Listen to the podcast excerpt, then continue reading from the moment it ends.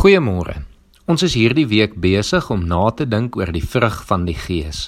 Die innerlike werk van die Heilige Gees binne elke gelowige se lewe. Natuurlik weerspieël hierdie vrugte ook na buite, maar dit begin altyd in ons binneste. Soos gister genoem, begin dit by die liefde. God wat jou so liefhet dat hy deur sy Gees in jou wil woon en sy liefde deur jou hele wese bekend wil maak.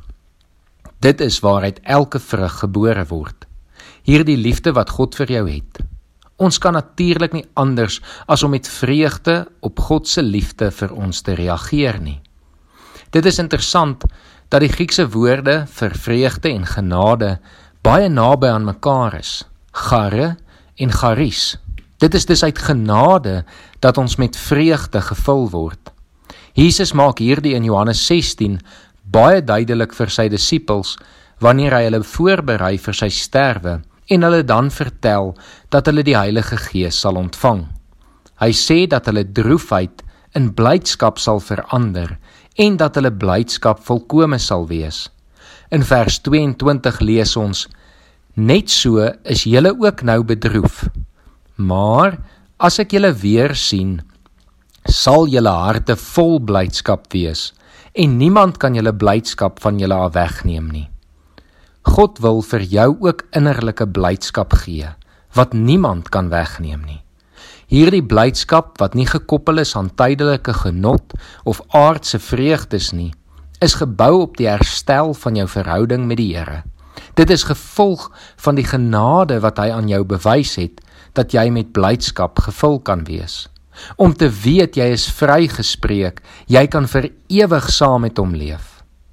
daarmee saam is daar natuurlik ook 'n reaksie wat met ons as mense gebeur wanneer ons werklik die liefde van God ervaar. Dit is soos 'n verliefde persoon wat net nie kan help om met blydskap gevul te wees omdat die persoon waarop jy verlief is vir jou lief is nie. Ons word dus met 'n ewige en standvaste blydskap gevul wanneer ons toelaat dat die Heilige Gees God se liefde aan ons bekend maak. Ons gedagtes daarop gerig hou en te weet ons is vrygespreek deur sy liefde en genade om vir altyd in hierdie liefde te kan leef. Gee jouself vanoggend oor aan God se liefde. Gee jouself oor aan die Heilige Gees sodat jy met blydskap as vrug van die Gees gevul kan wees.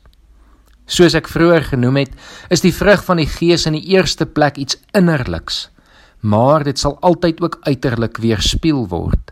Ons sien hierdie baie mooi raak in vreugde. As jy werklik vol blydskap is, sal dit mos wys na buite en vloei nog 'n vrug van die Gees, naamlik vriendelikheid, eintlik natuurlik op uit vreugde uit. As jy bly is in jouself, sal jy vriendelik wees met ander. Natuurlik gaan vriendelikheid as godsvrug oor baie meer as net 'n uitvloeisel van vreugde. Vriendelikheid as vrug van die Gees gaan nie net oor 'n algemene hoflikheid teenoor ander nie. Dit is nie iets wat ons doen omdat die samelewing dit verwag of omdat jy iets daaruit kan kry nie.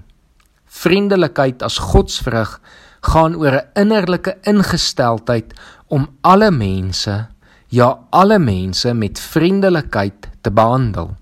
Nie net in vriendelike beleefdheid op te tree nie, maar 'n opregte vriendelikheid teenoor hulle te betoon.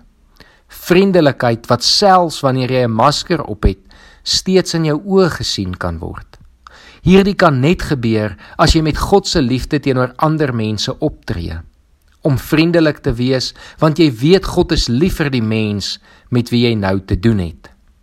Vriendelikheid in sy opregste en getrouste vorm straal iets van God se liefde uit na hierdie wêreld. Daarom moet ons net soos met al die ander eienskappe van die vrug van die Gees, die Gees vra om dit in ons te bewerk. Dit is uiteindelik nie van onsself afhanklik nie, maar van die Heilige Gees. Ons moet die Heilige Gees net die beheer gee, want dan kan die Heilige Gees dit moontlik maak in ons lewens om selfs diegene wat jy minder ag selfs diegene wat jy as vyande of selfs mense wat jy net nie van hou nie te beskou ook met vriendelikheid te kan hanteer, om die wat ongeskik is met jou steeds vriendelik te kan antwoord. Ons lees in 2 Korintiërs 6 vers 5 tot 7 die volgende: Ons is geslaan in die tronk gegooi en het in oproere beland. Ons het swaar gewerk, nagte sonder slaap deurgemaak en ons het honger gely. Ons het onberispelik opgetree met begrip, met verdraagsaamheid en vriendelikheid. Dit alles het ons gedoen deur die Heilige Gees, deur opregte liefde, deur die woord van die waarheid en die krag van God.